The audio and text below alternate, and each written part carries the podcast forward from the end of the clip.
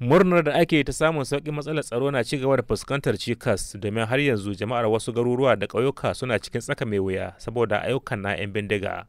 Abin da ke nuna hakan shine wani hari da 'yan bindigar suka kai akan wasu 'yan kasuwa da ke zirga-zirgar kasuwanci tsakanin ƙauyukan da suka hada jihohin kebbi da zamfara da ke arewa maso yammacin najeriya.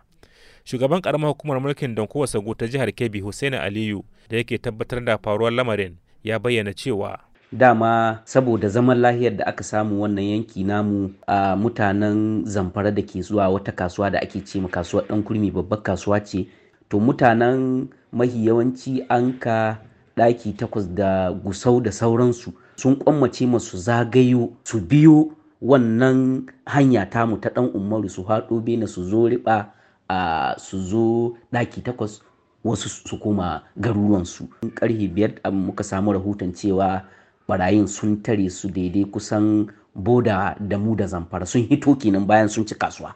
To sun buɗe masu wuta. Unfortunately dai uh, direban da yaron shi wanda mutumin mahwara ne yaron shi kuma uh, dan maradun ne eh, kwanansu suka ƙare.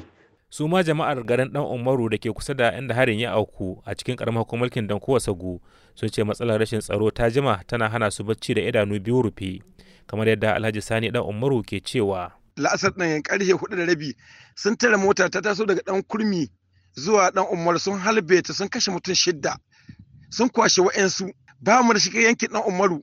Haka shekaran jiya suka samu wa'yansu bayan allah bayan allah suka yi kashin gilla shada ɗin tumɓurku. Duk yankin dan umaru.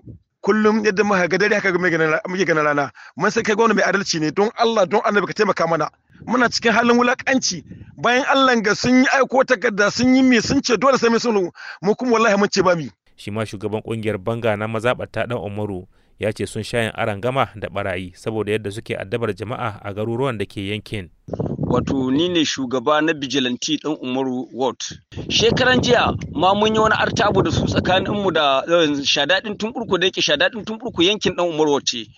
Sannan wallahi mun dai iya ƙoƙarin mu akai amma sun kashe muna mutane kuma sun kwashi dukiyoyin mu domin yanzu babu shanu sun koma awakin gari suke kwasa. Don Allah don annabi gwamnatin mu take bitun da mai adalci te ta dubi halin da muke ciki saboda Allah da annabi ta taimaka muna. To ko me mahukunta ke yi a halin yanzu?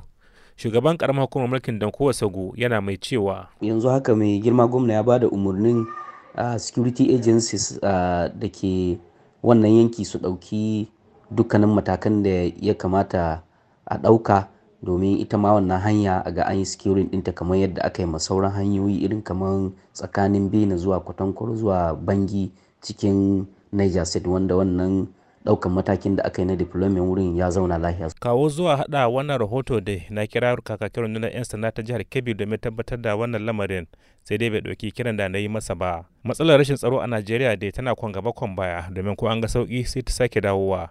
Yayin da mahukunta ko da yaushe kalamansu su ne suna ƙoƙari amma dai matsalar ta tafiya baki ɗaya. Muhammad Nasir, muryar Amurka daga Kebbi a Najeriya.